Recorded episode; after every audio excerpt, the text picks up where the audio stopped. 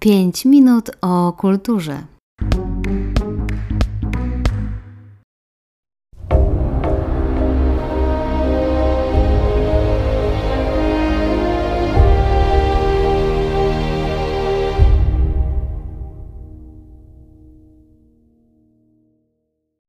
Dzień dobry Państwu.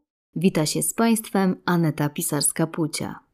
W dzisiejszej audycji Naszym i Państwa gościem będzie pani Katarzyna Winicka, kustosz Muzeum Historyk Sztuki, która oprowadzi nas po wystawie sztuki cerkiewnej i opowie o ikonach znajdujących się w Muzeum Historycznym w Sanoku.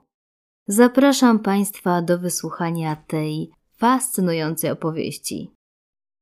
W Muzeum Historycznym w Sanoku mieści się jedna z piękniejszych i najbardziej wartościowych kolekcji ikon, sztuki cerkiewnej od XII do XIX wieku.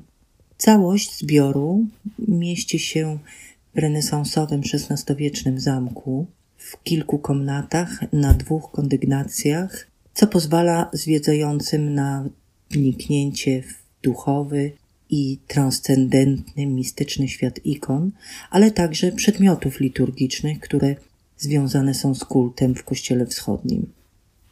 Obok ikon których na ekspozycji jest ponad 400. W kolekcji znajdują się również przedmioty liturgiczne, obrazy malowane na płótnie, płaszczenice, chorągwie, krzyże, a wśród nich enkolpiony, krzyże procesyjne, ręczne, drewniane, polichromowane, szaty, a także księgi liturgiczne, tzw. Tak starodruki.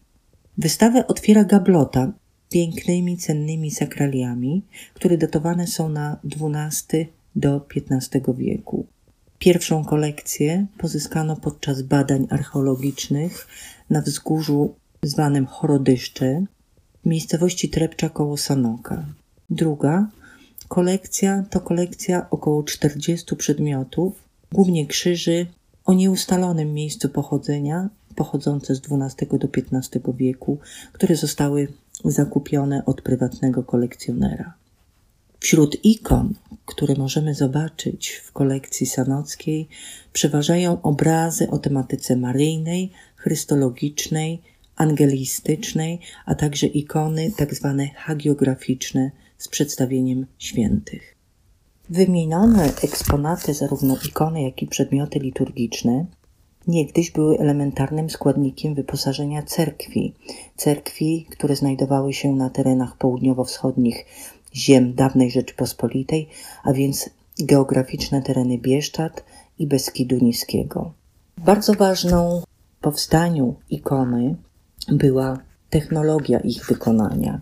Ale zacznijmy od tego, co to jest ikona. Otóż słowo ikona z języka greckiego eikon, obraz, obraz kultowy, który ukształtował się w sztuce wschodnio-chrześcijańskiej na terenie Cesarstwa Bizantyjskiego, między IV a XV wiekiem. Jest to obraz, który przedstawia osoby święte, sceny ze Starego i Nowego Testamentu, z apokryfów, a także sceny liturgiczno-symboliczne.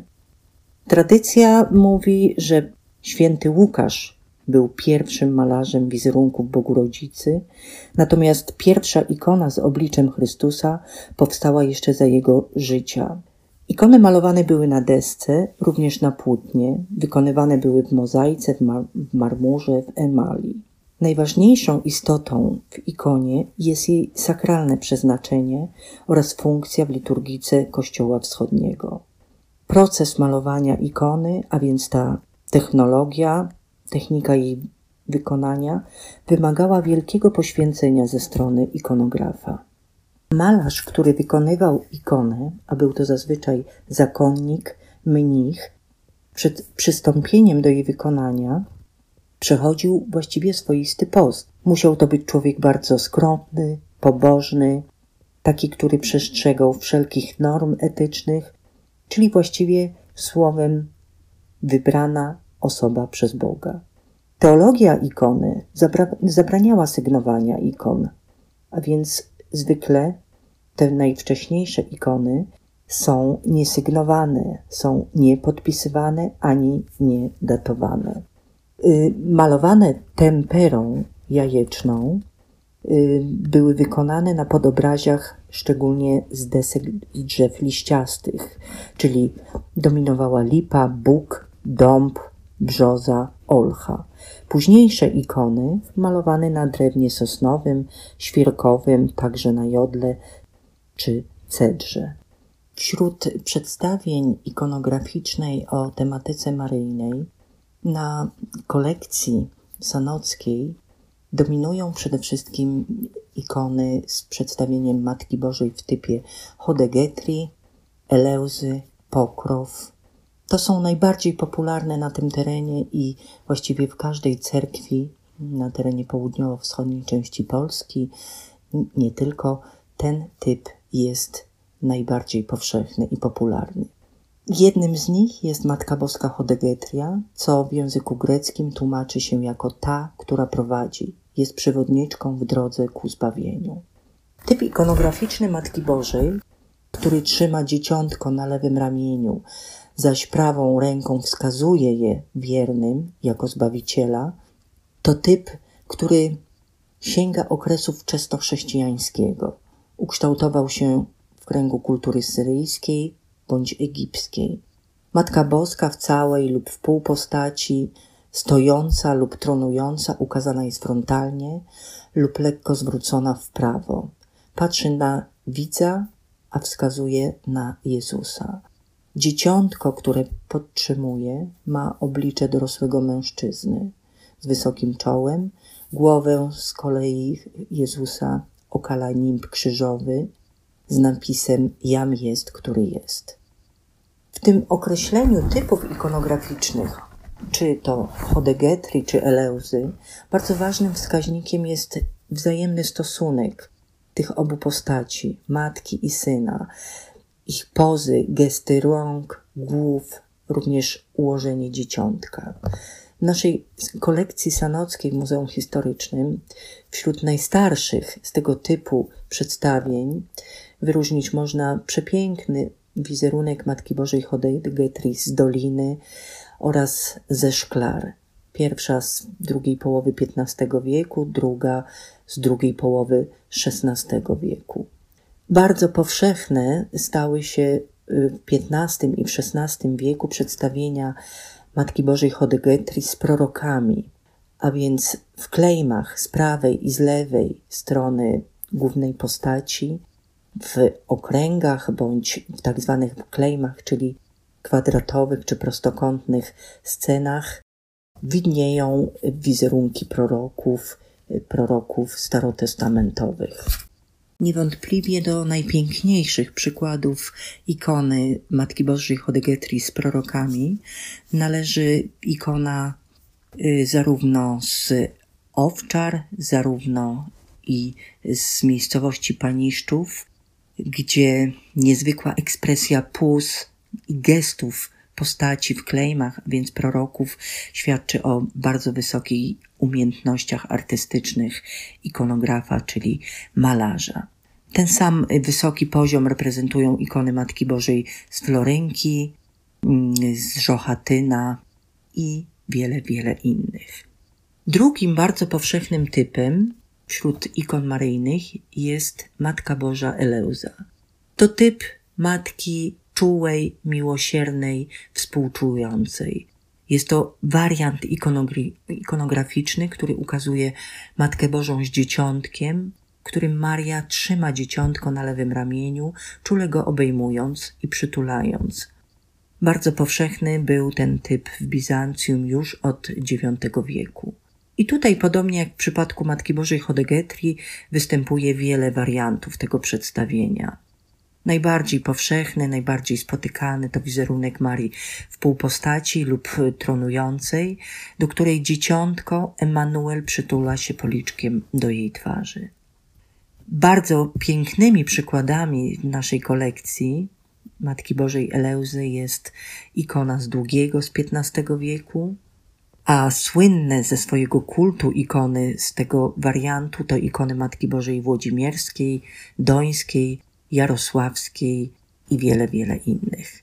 Kolejnym popularnym wariantem jest Matka Boża pokrow, czyli Matka Boża opieki. Ten typ y, znany na Rusi już od XIII wieku y, również ma wiele przykładów w naszej sanockiej kolekcji. W tym wariancie, w tym typie Maria przedstawiona jest w pozie oranty, która osłania swoim płaszczem wiernych. Jest również inny wariant ikonograficzny, który ukazuje kompozycję dwustrefową.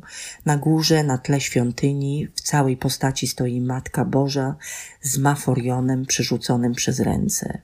Świątynia, czyli kościół w tym typie Hodegetri opieki pokrow, symbolizuje kościół blacherneński w Konstantynopolu, w którym według legendy zawartej w życiu świętego Andrzeja Szaleńca Bożego miało miejsce zdarzenia objawienia się Marii świętemu Andrzejowi. W dolnej strefie ukazany jest właśnie moment tego wydarzenia. Na ambonie stoi archidiakon Roman Melodo, zwany słodkopiewcą, który trzyma w dłoni hymn ku czci Matki Bożej, zaś po jego bokach y, świadkowie objawienia, wśród nich cesarz i cesarzowa, Andrzej Szaleniec Boży, zwany Jurodiwym, który wskazuje na Matkę Bożą oraz jego uczeń Epifaniusz. Ten typ maryjny w obu wariantach najczęściej reprezentowane są w ikonach późniejszych z XVIII i XIX wieku. Kolejne ikony, które dominują w naszej kolekcji, to ikony o tematyce chrystologicznej a wśród nich przede wszystkim powtarzający się typ Chrystusa Pantokratora, czyli Chrystusa Wszechwładcy, Zbawiciela. To jest wizerunek, który w Kościele Wschodnim posiadał wiele przedstawień ikonograficznych i różnych typów. Wśród nich wyróżnia się przede wszystkim trzy typy Pantokratora, półpostaci, Chrystusa tronującego w mandorli oraz Chrystusa stojącego w całej postaci. Najbardziej popularnym jest wizerunek Chrystusa, który trzyma w lewej dłoni otwartą księgę Pisma Świętego, prawą dłonią zaś błogosławi. Chrystus ukazany jest zawsze w postawie frontalnej, z majestatycznym, bardzo uduchowionym wyrazem twarzy, który odzwierciedla jego wielkość i wszechmoc Bożą. Bardzo ważny w tym układzie mm, Chrystusa Pantokratora jest układ jego palców u dłoni. Układ palców, które przecinają się bardzo logiczny układ, bowiem tworzą monogram Chrystusa ICXC. Ewangelia, którą trzyma Chrystus, y, ma wypisany tekst. Najczęściej jest to tekst wyjęty z Ewangelii świętego Jana w którym napisane są słowa: Jam jest światłością świata. Kto idzie za mną, nie będzie chodził w ciemności, lecz będzie miał światło życia. Lub inny werset: Jam jest bramą. Jeżeli ktoś wejdzie przeze mnie, będzie zbawiony. Wejdzie i wyjdzie i znajdzie paszę. Niezależnie od wariantu ikony z przedstawieniem Chrystusa, Pantokratora, zawsze oddają tajemnicę wcielenia Słowa Bożego. W ekspozycji sanockiej prezentowany ten typ jest poprzez ikony z Wójskiego z drugiej połowy XV wieku, z Witryłowa oraz późniejsze, gdzie w wieku XVII do XIX ten typ również jest dominującym. Y, bardzo cennym y, jest wariant, który ukazuje Chrystusa Pantokratora w mandorli, a więc na tle trzech mandorli. Y, pierwowzorem dla tego przedstawienia być może była ikona Andrzeja Rublowa, która została wykonana dla Soboru Uspieńskiego we Włodzimierzu nad Klaźmą na początku XV wieku. Co jest charakterystyczne właśnie dla tego przedstawienia? Przede wszystkim Wyobrażenie Pantokratora tronującego na tle trzech mandorli, które określają jego boską moc. Występują tutaj trzy bryły geometryczne: rąb, owal i czworobok. Każdy z nich ma swoją głęboką treść i przesłanie. Czerwony rąb, który znajduje się tuż za postacią Chrystusa, obrazuje jego boską chwałę. Zielony owal który zapełniony jest niebiańskimi siłami, a więc serafinami, cherubinami, symbolizują niebo. A ostatnia z figur geometrycznych, czerwony kwadrat, symbolizuje Ziemię, cztery strony świata, cztery żywioły itd. Tak w rogach czworoboku zawarte są symbole czterech ewangelistów, którzy głoszą swoje Ewangelie na cztery strony świata. A więc święty Jan występuje pod postacią orła, święty Marek pod postacią lwa, święty Łukasz wołu, a święty Mateusz anioła. Wśród y, najpiękniejszych przykładów w zbiorach naszego muzeum mm, jest ikona z Nowosielec z drugiej połowy XV wieku oraz późniejsza z XVI z miejscowości Surowica. Kolejne ikony to ikony tak zwane hagiograficzne, które przedstawiają świętych.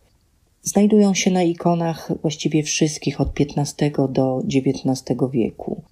Wizerunki świętych bardzo cieszą się wielkim uwielbieniem i, i wielką czcią na terenie i Podkarpacia i Rusi, a szczególnie na tym terenie taką osobą świętą, którą znajdziemy w każdej cerkwi, to święty Mikołaj. Święty patron ubogich, pasterzy i bydła. Jeszcze za życia święty Mikołaj zasłynął wieloma cudami, stąd jego przydomek cudotwórca. Charakterystyczną cechą ikon hagiograficznych jest y, ukazanie żywota świętego czy świętej.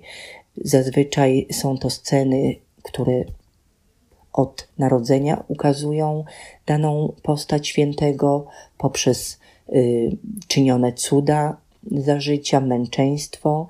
Te sceny znajdują się w tak zwanych klejmach, czyli w polach, które rozmieszczone są wokół centralnego przedstawienia. Święty Mikołaj y, to święty, który występuje zazwyczaj na ikonach jako starszy mężczyzna, ubrany w strój biskupi, w całej postaci, z dłonią uniesioną w geście błogosławieństwa, w drugiej trzyma otwartą księgę Ewangelii. Y, wśród najbardziej popularnych przedstawień i najpiękniejszych naszych zbiorach wyróżniają się ikony z XV wieku, z oparówki i z weremienia. Również w kulcie świętych ukazywane są postacie innych, jak świętej Paraskewi, świętego Kosma i Damiana, świętego Bazylego czy świętego Jana Chrzciciela. Wśród najstarszych ikon, które mamy w swoich zbiorach z XV wieku, ukazany jest wizerunek wybitnego biskupa Cezarei, autora liturgii świętego Bazylego. Na początku, w pierwszych wiekach chrześcijaństwa, trzecim do V wieku, pojawia się bardzo dużo osób, które weszły w poczet świętych, zwanych ascetami. To osoby, które zachowywały umiar, wstrzemięźliwość, pokutę w imię miłości do Boga. Ich kult czczony jest do dzisiaj, zarówno w kościele wschodnim i zachodnim. Dlatego też ikony z wizerunkami na przykład Szymona Słupnika, czy świętego Onufrego, czy świętego Antoniego Eremity, pustelnika, należały do ikon często malowanych z tymi przedstawieniami. W naszych zbiorach wśród XVI-wiecznych ikon dominuje bardzo wysokiej klasy malarskiej ikona ukazująca świętego Szymona Słupnika z drugiej połowy XVI wieku, która jednocześnie jest jedną z ikon rozbudowanego rzędu Deezis z cerkwi w Kostarowcach.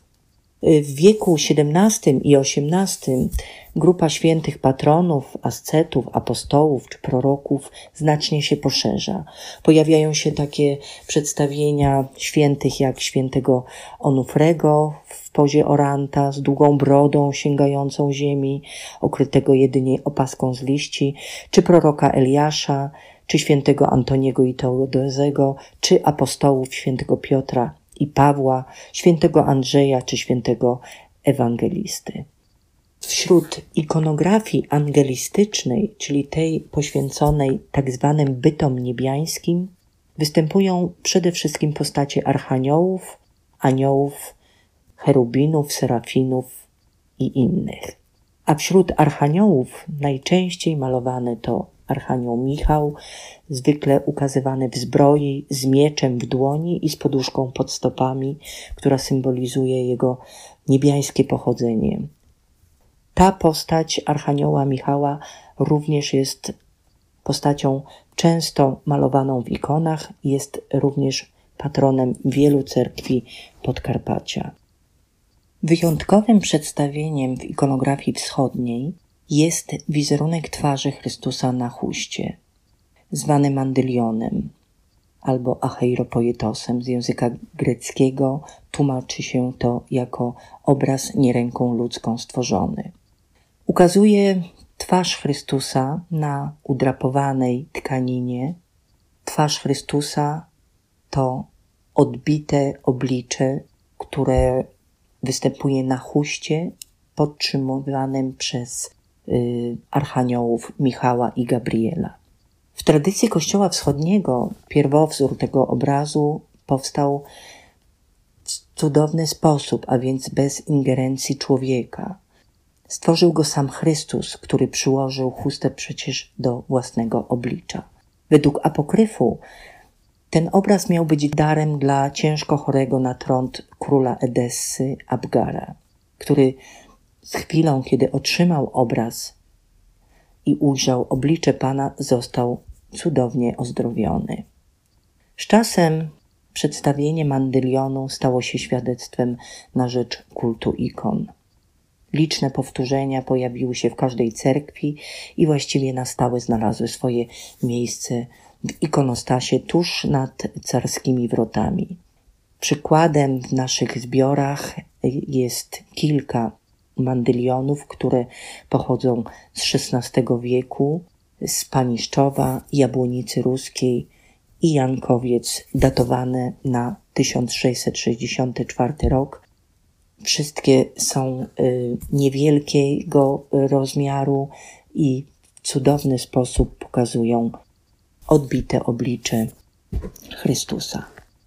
Kolejnym przedstawieniem, ważnym przedstawieniem to temat ikonograficzny pod nazwą Deesis.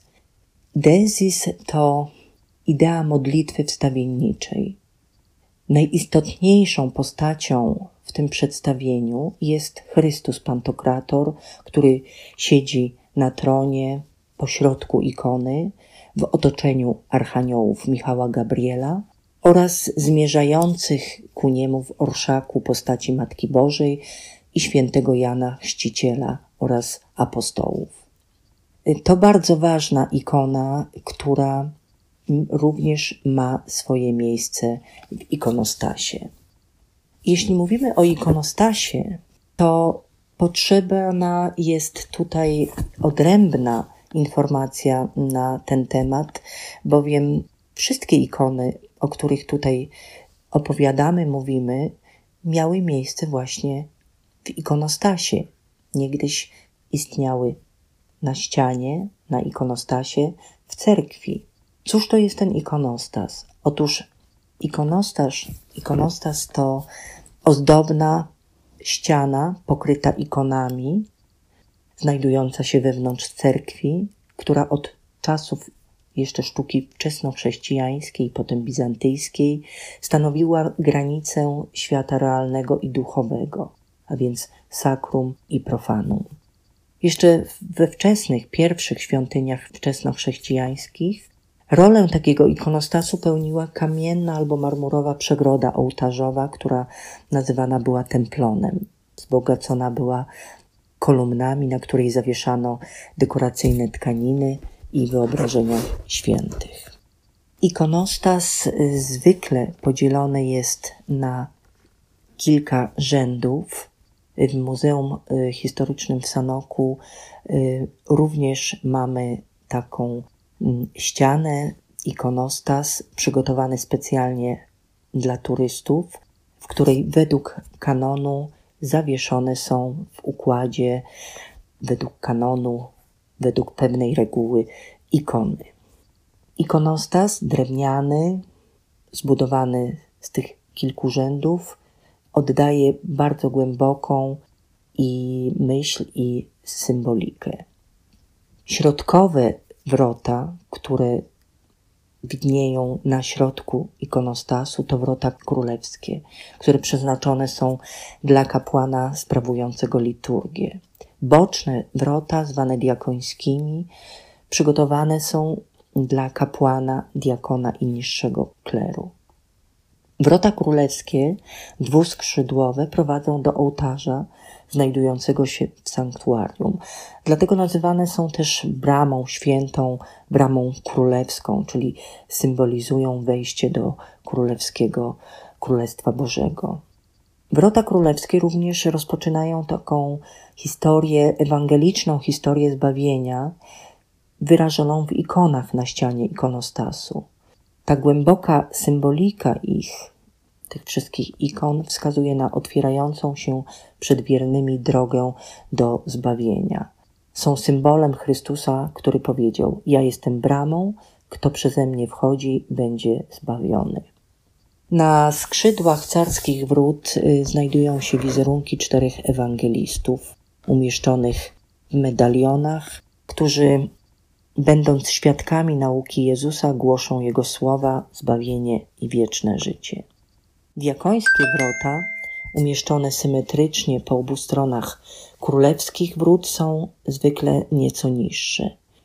Prowadziły kiedyś do osobnych pomieszczeń, takich jak żertwiennik, stół ofiarny, który znajdował się w północno-wschodniej części ołtarza, na którym przygotowywano dary święte, i naczynia liturgiczne oraz południowy diakonikon, czyli pomieszczenie przylegające do ołtarza lub miejsce w jego południowej części, które służyło do przechowywania szat, ksiąg liturgicznych i przedmiotów liturgicznych.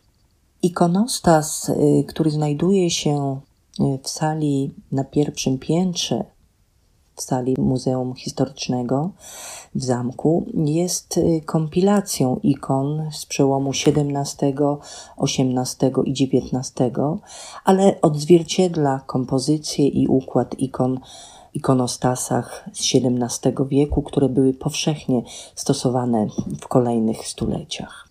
Dopełnieniem ekspozycji muzealnej naszego Muzeum Historycznego jest zespół eksponatów, które stanowią wyposażenie cerkwi z ich liturgicznym przeznaczeniem. Wśród paramentów na szczególną uwagę zasługują XVIII-wieczne drewniane monstrancje, cynowa puszka, datowana na 1734 rok i wiele, wiele innych. Wśród pozostałych to XIX-wieczne kielichy mszalne, pateny na chleb eucharystyczny, przedmioty służące do poświęcenia chlebów, daronosica przeznaczona do przenoszenia świętych darów, y, łyżeczka liturgiczna. Y, wśród szat, które również są prezentowane w naszej kolekcji, wśród przedmiotów liturgicznych dominują feloniony, omoforiony, epitrachile, aplikacje, mankiety oraz y, uzupełnienie stołu liturgicznego, a więc antyminsy, wozduchy, pokrowce, palki. Do ich wykonania służyły tkaniny brokatowe, aksamity albo gładka bawełna, która zdobiona haftem y, o różnych motywach roślinnych. Wśród ksiąg liturgicznych, które właściwie stanowią zupełnie odrębny i bardzo liczny zbiór starodruków w naszym muzeum, y, dominują ewangeliarze, triody, oktojchy czy anfologiony. Również na ekspozycji pokazane są mm, dwa przykłady pochodzące z XVII i XVIII wieku. Są to ewangeliarze. Zaś y, w gablotach eksponowane są krzyże cerkiewne, bardzo bogata kolekcja licząca około 80 sztuk. Wśród nich są krzyże cerkiewne ręczne, rzeźbione, malowane, które służyły do błogosławieństw. Są również krzyże ołtarzowe, y, są y, również krzyże procesyjne. Najczęściej wykonywano je z drewna, y, zdobione są reliefem lub y, malowidłami ze sceną ukrzyżowania, sztu Chrystusa z przedstawieniem Matki Boskiej z Dzieciątkiem, czy świętego Mikołaja, albo z przedstawieniem symboli męki pańskiej. Znaczną część kolekcji sztuki cerkiewnej y, w naszym Muzeum Historycznym stanowi grupa chorągwi. Ponad 150 chorągwi mm, malowanych na płótnie farbami temperowymi, ale również i olejnymi.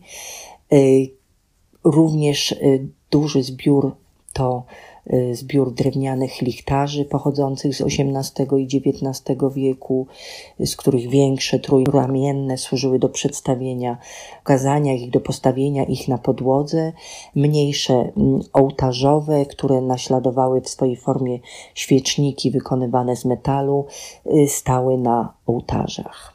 Dopełnieniem ekspozycji są malowidła zwane płaszczenicami, które zastępują w Kościele Wschodnim grób pański oraz grafiki przedstawiające złożenie do grobu Chrystusa. Ekspozycja z naszego muzeum y, pokazuje przemiany, jakie dokonały się w sztuce cerkiewnej od XV stulecia do przełomu wieków XIX. Najstarsze ikony reprezentują sztukę bizantyjską średniowieczną, dla XVII i XVIII wiecznych. Inspiracją było malarstwo zachodnie, chrześcijaństwa zachodniego, natomiast późniejsze XIX-wieczne ikony grecko-katolickie powstawały już pod wpływem sztuki ludowej, lokalnej. Wszystkie one mają jednakże unikatowy styl, charakterystyczny tutaj dla pogranicza, gdzie dochodziło do spotkania wpływów chrześcijaństwa wschodniego i zachodniego. Większość z nich jest ikonami anonimowymi. Kolekcja Sanocka to jest jedna z najcenniejszych ekspozycji ikon w Polsce i w Europie. O kolekcji ikon w Muzeum Historycznym w Sanoku opowiadała nam kustosz muzeum, historyk sztuki pani Katarzyna Winicka. A z Państwem się żegna Aneta Pisarska-Pucia. Do usłyszenia. Thank you